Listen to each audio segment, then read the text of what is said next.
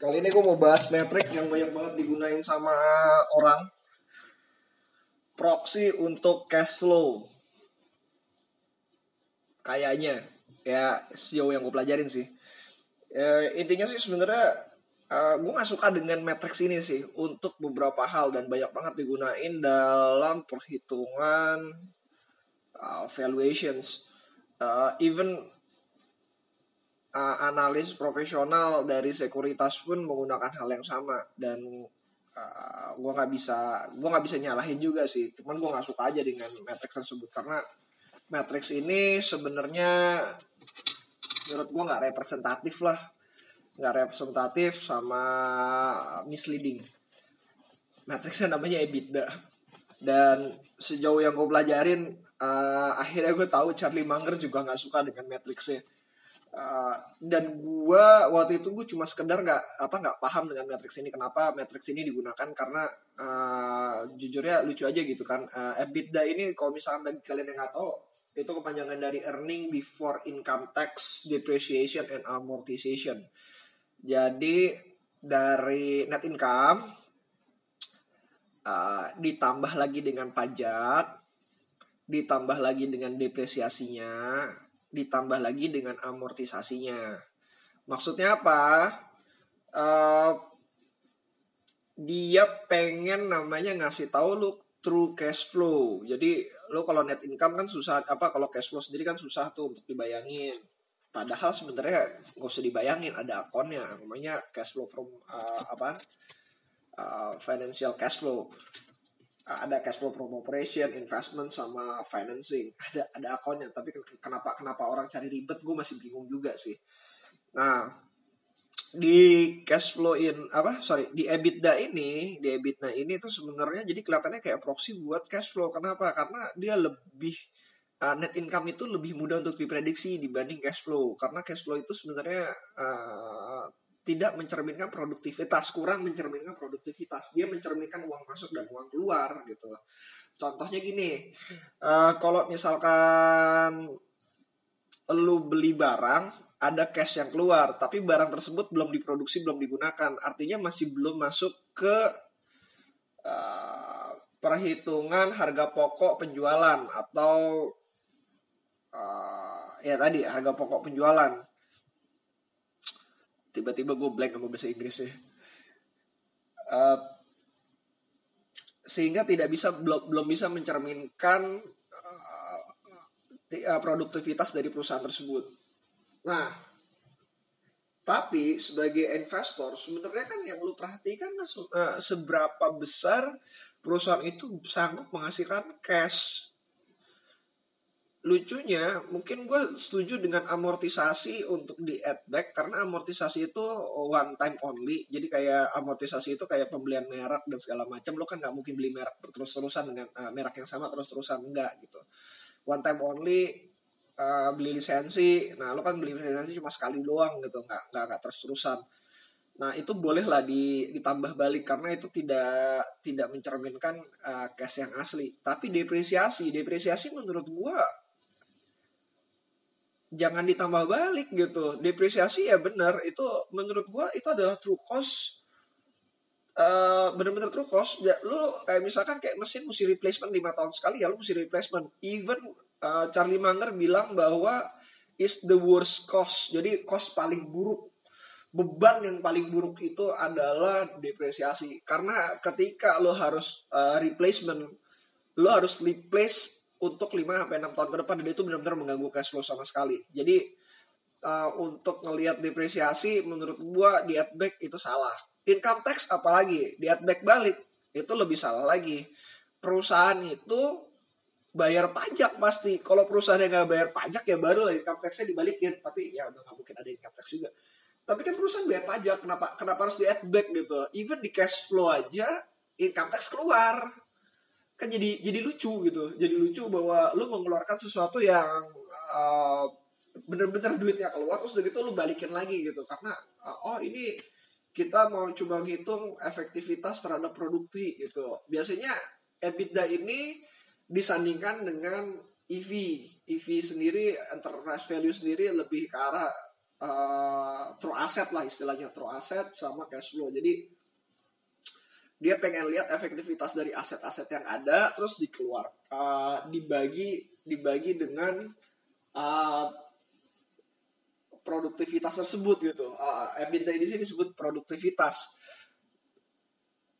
Ya produktivitas ya ya kalau misalkan lu cuma ngeliat efektivitas ya oke okay lah bener lah. Cuman kan sebagai investor lu kan pasti dapetnya excess cash setelah dipotong dengan pembelian mesin setelah dipotong sama pajak lu dapetnya tuh net income net income atau kalau misalnya bilang cash flow from operation tapi don't get me wrong EBITDA ini cukup baik untuk mengukur uh, fraud atau enggaknya sebuah perusahaan. Jadi biasanya gue sendiri pakai proksinya bukan EBITDA, gue pakai proksinya cuma EBIT aja. Biasanya EBIT dengan cash flow from operation bagi perusahaan yang baik, uh, tergantung jenis perusahaannya ya. Uh, perusahaan dagang lainnya, ya. perusahaan dagang yang baik itu biasanya mirip-mirip angkanya. Karena apa? Uh, karena mereka mampu untuk mengatur keuangannya secara benar. Jadi uh, stoknya tidak terlalu berlimpah, uh, penjualannya tidak mundur, uh, hasil duitnya dan itu beda-beda tipis lah, beda-beda tipis lah. Ada beberapa kasus yang EBIT-nya lebih besar atau EBIT-nya lebih kecil, tapi biasanya itu ada penambahan-penambahan kayak akun-akun uh, kalau lebih kecil depresiasinya lebih apa ternyata banyak depresiasi. Jadi lu mesti akun bahwa di situ bahwa cash flow tersebut harus bayar uh, ke depannya harus bayar mesin. Kalau misalkan EBIT-nya lebih besar biasanya ada akun uh, selisih nilai tukar mata uang asing atau uh, penjualan aset gitu. Penjualan aset kecil-kecil ya bukan penjualan aset besar gitu. yang diakun sebagai net income. Nah itu uh, dilihat bahwa oke okay, nanti ke depannya ini bakalan nggak ada lagi. Mungkin bakalan lebih lebih tinggi apa lebih rendah sorry lebih rendah lagi. Nah itu yang menjadi faktor gua untuk mengukur bahwa perusahaan tersebut apakah perusahaan ini baik atau enggak sebagai contoh was kita nggak bisa menggunakan hal tersebut hal, hal seperti ini. Kenapa cash flow from operation ini udah pasti negatif? Banyak banget pasti cash flow from operation ini negatif. Karena dia bergerak karena emang nature bisnis seperti itu. Dia harus invest lebih invest lebih untuk pembangunan uh, apa pembangunan. Dan dia baru dibayar entar-entaran sama pemerintah. Nah nature-nya emang seperti itu. Sehingga kalau misalnya menggunakan proxy ini menurut gue jadi salah uh, bukan salah sih uh, tidak tidak terlalu mencerminkan di sinilah uh, proxy dari EBIT itu lebih mencerminkan kinerja dari perusahaan tersebut tapi tidak dengan EBITDA.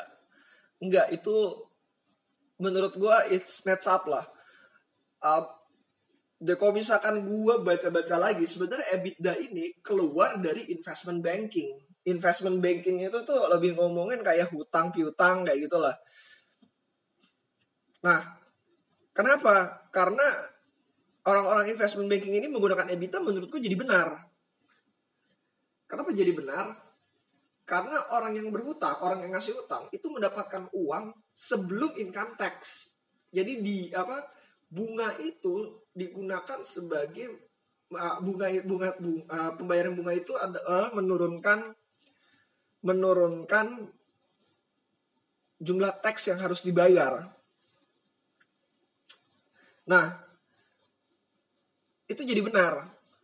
Depresiasi amortisasi dikeluarkan juga sama mereka karena apa mungkin kalau misalnya untuk pembelian mesin dan segala macam replacementnya lima tahun lagi sedangkan hutangnya dia di bawah lima tahun uh, berikutnya lagi adalah depresiasi tersebut uh, apa depre apa orang-orang masih bayar hutang dulu sebelum replace mesin jadi uang yang mereka dapatkan sudah pasti di atas depresiasi amortisasi dan serta income tax jadi EBITDA ini benar digunakan untuk investment banking. EV per EBITDA untuk investment banking menjadi benar. Tapi untuk digunakan sebagai investor, menurut gue salah.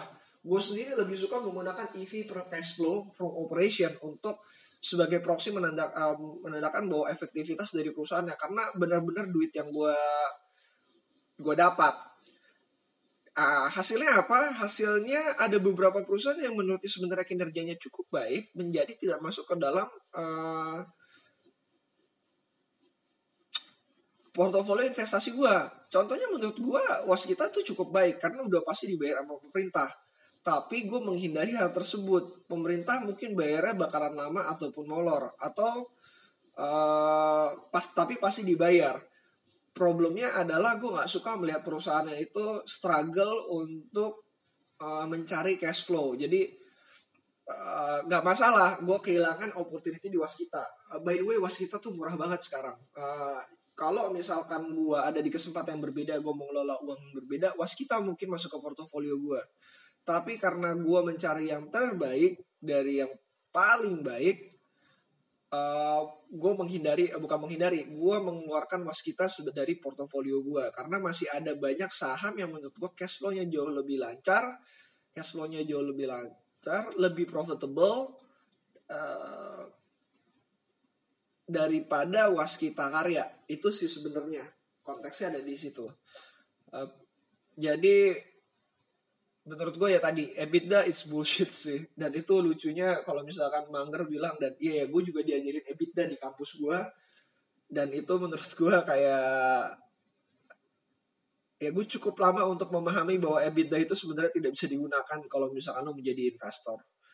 Tapi bisa menjadi proxy yang cukup baik ketika lu berhutang kepada uh, menghutangi perusahaan dan proxy yang cukup baik untuk dikomparasikan dengan cash flow from operation. Kalau misalkan beda-beda tipis artinya perusahaannya cukup sehat, kalau misalkan bedanya jauh something wrong with uh, dengan perusahaannya. Uh, something wrong di sini nggak nggak berarti dia perusahaannya itu fraud, tapi bisa terjadi misalkan karena emang emang dari segi bisnisnya emang berjalan seperti itu uh, atau dia lagi mengenjot produktivitasnya. Uh, itu balik lagi kepada judgement dari investor itu sendiri. Sekian dari gua. Kalau ada pertanyaan balik lagi di bayutabusala@gmail.com. Uh, thank you buat yang udah denger. Uh, gue cukup terharu ternyata ada beberapa orang yang dengar dan dia ngontak gue juga. Uh, ke Quora gue, kalau misalnya pertanyaan juga uh, DM aja langsung uh, let me know kalau misalnya emang ada yang pengen dibahas lagi yang lain uh, see you again next time